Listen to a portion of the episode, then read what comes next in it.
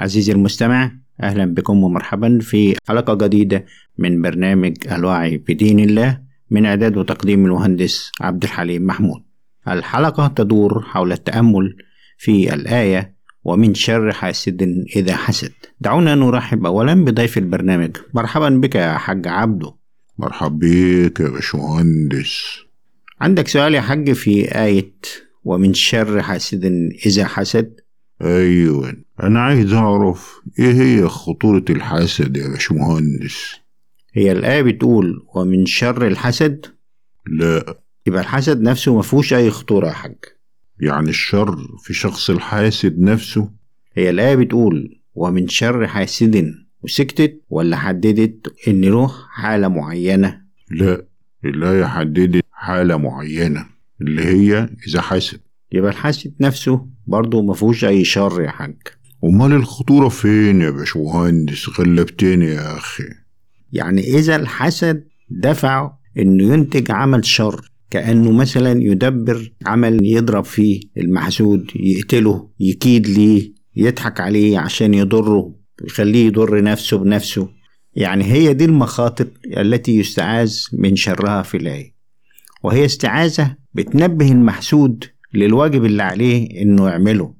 مش يقفل مخه على الخوف العبيط من الحسد نفسه أو من عين الحاسد لأن لا ده ولا ده هيضر. اللي هيضره فعلا الشر اللي بتقول ومن شر. الشر الفعل اللي هيعمله الحاسد. إذا عمل. هو المفروض بقى يتخذ الأسباب يكشف الأعمال دي قبل ما تحصل ويستعد لمواجهتها ويستعين بالله فيها. وهو ده معنى ومن شر حاسد إذا حسد. والله أعلم.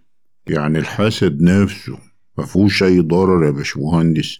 لا يا سيدي لا الحسد ولا الحاسد نفسه في منه أي ضرر ربك بس سبحانه وتعالى هو القاهر فوق عباده. اسمع وهو القاهر فوق عباده ويرسل عليكم حفظة حتى إذا جاء أحدكم الموت توفته رسلنا وهم لا يفرطون. فربنا حافظك من ساعة ما نزلت من بطن أمك لغاية ما تموت.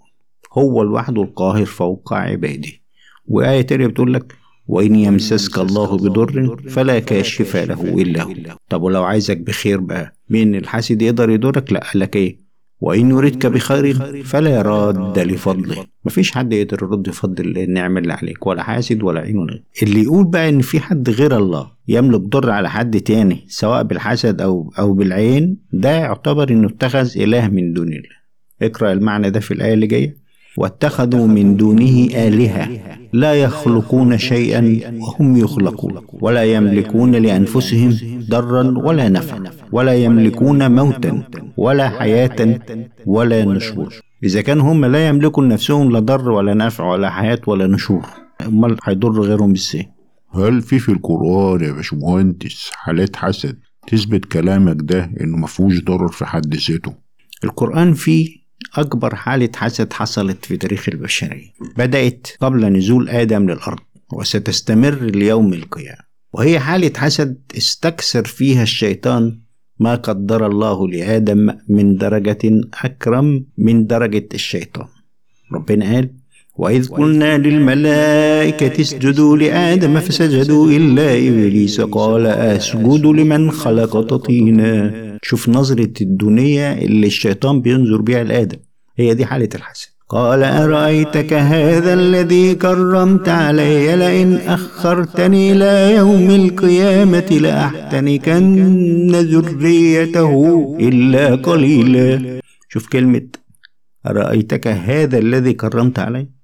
بيحسده طب حسد الشيطان ده يا باشمهندس أنتج أي ضرر على آدم ولا لأ؟ الإجابة طبعا لأ.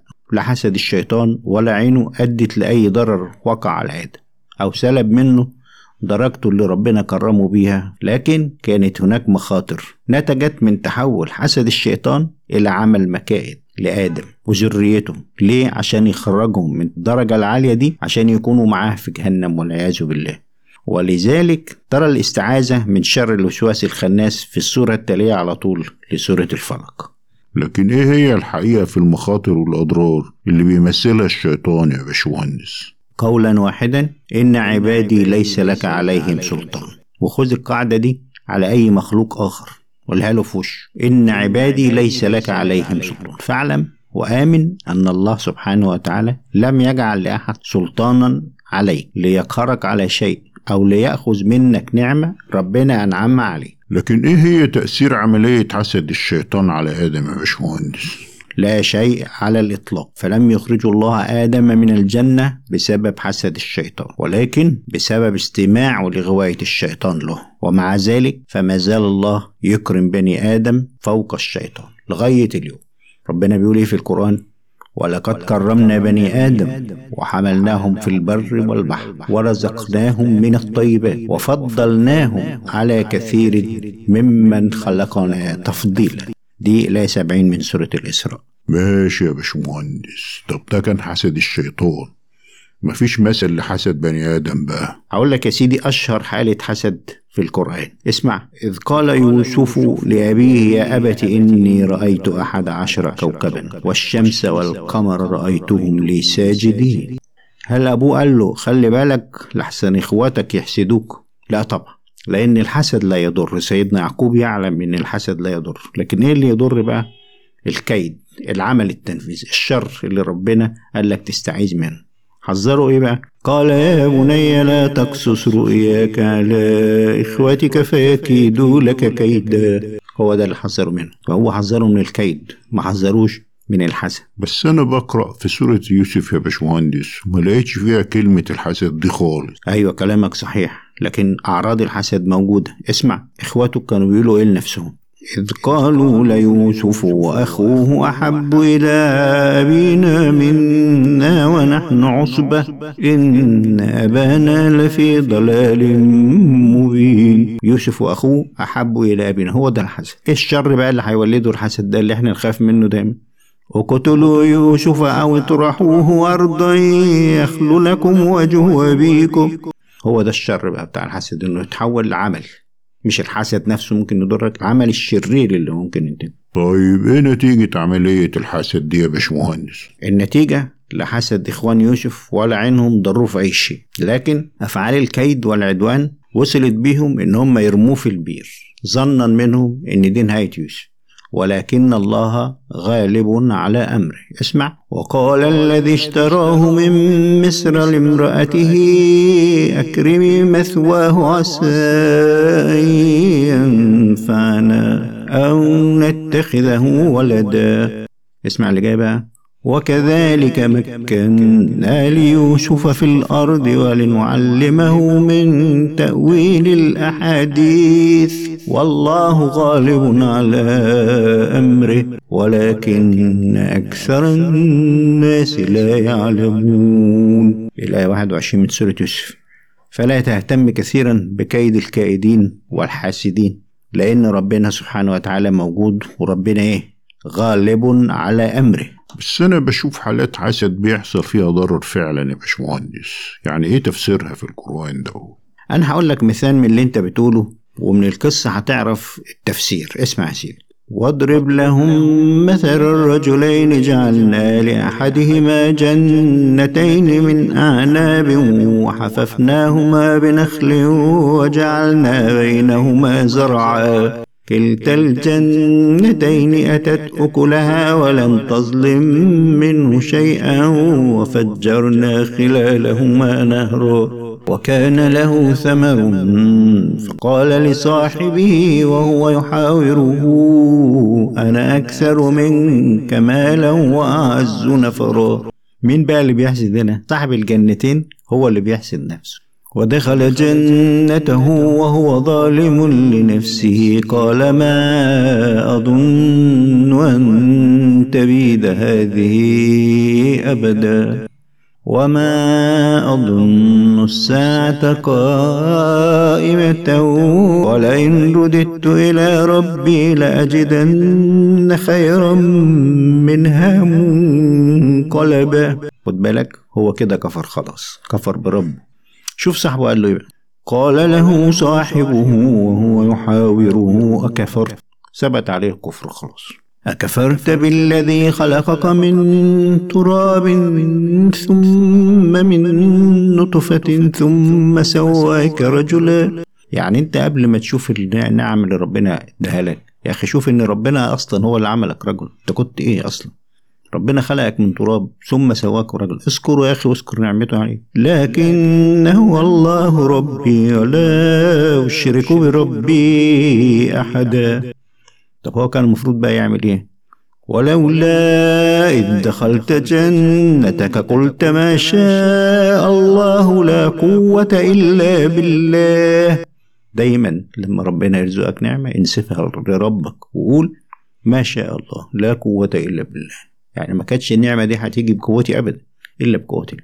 ولولا إذ دخلت جنتك قلت ما شاء الله لا قوة إلا بالله إن ترني أنا أقل منك مالا وولدا. شوف الآيات اللي جاية عشان تعرف هو صاحبه ده حسده ولا دعا عليه. فعسى ربي أن يؤتيني خيرا من جنتك ويرسل عليها حسبانا من السماء فتصبح صعيدا زلقا أو يصبح ماؤها غورا فلن تستطيع له طلبا وأحيط بثمره ربنا استجاب الدعاء وأحيط بثمره فأصبح يقلب كفيه على ما أنفق فيها وهي خاوية على عروشها. ويقول يا ليتني لم أشرك بربي أحدا. اعترف إن أشرك بربه لما ظن إن النعمة اللي عنده دي ترجع لفضله هو مش لفضل ربه. طب إيه هو بقى الدرس اللي ناخده من القصة دي يا باشمهندس؟ الدرس إن الحسد ما كانش هو السبب في زوال نعمة المستكبر ده اللي في القصة لكنه ادعاء المستجاب. من مين؟ من الراجل اللي عيره إنه أقل منه مالا وولدا. الدرس التاني إن أي أحد ينسب لنفسه فضل ما أنعم الله عليه من نعمة فيقول لنفسه أو يقول لصاحبه. ده من ذكائي ده من شطارتي ده من قدرتي عليه أن يتوقع زوال نعمة الله من عنده. مش بحسد حاسد ولكن بكفره نعمة الله عليه وباستكباره على عباد الله. فحتى لو جه واحد دعا عليه يبقى الذنب مش من اللي دعا عليه الذنب من إنه هو نفسه كفر بنعمة الله. عندك سؤال تاني يا حاج؟ بعد ما انتهينا من تدبر آية ومن شر حاسد إذا حسد أيوه أنا عايزك بقى تركز لي دلوقتي على شر العين يا باشمهندس. هي الآية لما قالت ومن شر حاسد إذا حسد كملت وقالت ومن شر العين إذا حسدت إيه من شر العين إذا قتلت لا بصراحة. طيب يا حاج سمعت في أي سورة في القرآن لسيرة العين غير إن هي أداة لنعمة البصر؟ لا برضه يبقى مفيش حاجة يا حاج في دين الله اسمها شر العين. ولو كان فيها شر كانت ذكرت في سورة الفلق. لكن أنا سمعت شيخ كبير بيقول إن فيها أحاديث صحيحة. بتقول إن العين حق يا وإن العين بتقتل والعين بتسخط الجمل وتدخله القدر اسمع يا حاج كلمة واحدة. كلمة حديث صحيح دي ده مصطلح على معايير كتاب الحديث ولكنها لا تعني إنه حديث صحيح في الحقيقة. ليه؟ لأنه لا يوجد لدى البخاري ولا لدى كتاب الحديث أي دليل قطعي على أن الرسول صلى الله عليه وسلم قال هذا الحديث بالفعل. ولذلك فمن الأمانة على كتب الحديث وعلى رواة الحديث وعلى كل من يردد كلمة حديث صحيح أن يقول إيه؟ أنه حديث صحيح اصطلاحا وليس صحيحا في الحقيقة. طيب بس أنا سمعت شيخ كبير بيقول إن ابن القيم بيقول إن العين ممكن تقتل يا باشمهندس. يا حاج عبده هل الشيخ الكبير ده ولا ابن القيم نفسه هم هيدخلوك الجنة أو النار؟ طبعا لا. طيب ما تسمعش تاني ليهم يا حاج ولا تاخد بكلامهم ولا تضيع وقتك في التفكير في اللي هم بيقولوه لأنه ممكن يضلك عن سبيل الله. ولأن كتاب الله فيه العلم الكامل لكل شيء عن الدين وعن لقاء الله. طيب ممكن تقول لي الخلاصة من الدرس ده كله في كلمتين أحفظهم منك يا باشمهندس؟ اسمع يا سيدي. العين آلة لمعمل البصر وفيها يسقط شعاع النظر وهي مدخل لكل ذي حسد وليست مخرجا لأي حسد. فلا الحاسد يملك أي ضرر ولا العين ترسل أي شرر ولا أي عين تسبق القدر ولا توصل أي أحد لقبر ولا تدخل جملا في قدر. ولا هي حق في الدين المعتبر. فأحاديث العين كلها قول مفتر. نبرئ منها لسان رسولنا الأغر. ولو صح زعمهم بأن العين حق. لرأينا تعوذا منها في سورة الفلق. فليس صحيحهم قد صح في الحقيقة. ولا أحاديثهم جاءت بكتاب أو وثيقة. ولقد فسق الله من جاء بنبأ دون بينة. وفسق معه من ينشره قبل أن يتبين. فمن كان لديه برهان بذلك فليظهره وإلا فليصمت الدهر تائبا ويستغفره. وبذلك نصل إلى نهاية هذه الحلقة. نشكركم وإلى اللقاء في حلقة جديدة من برنامج الوعي بدين الله. والسلام عليكم ورحمة الله وبركاته.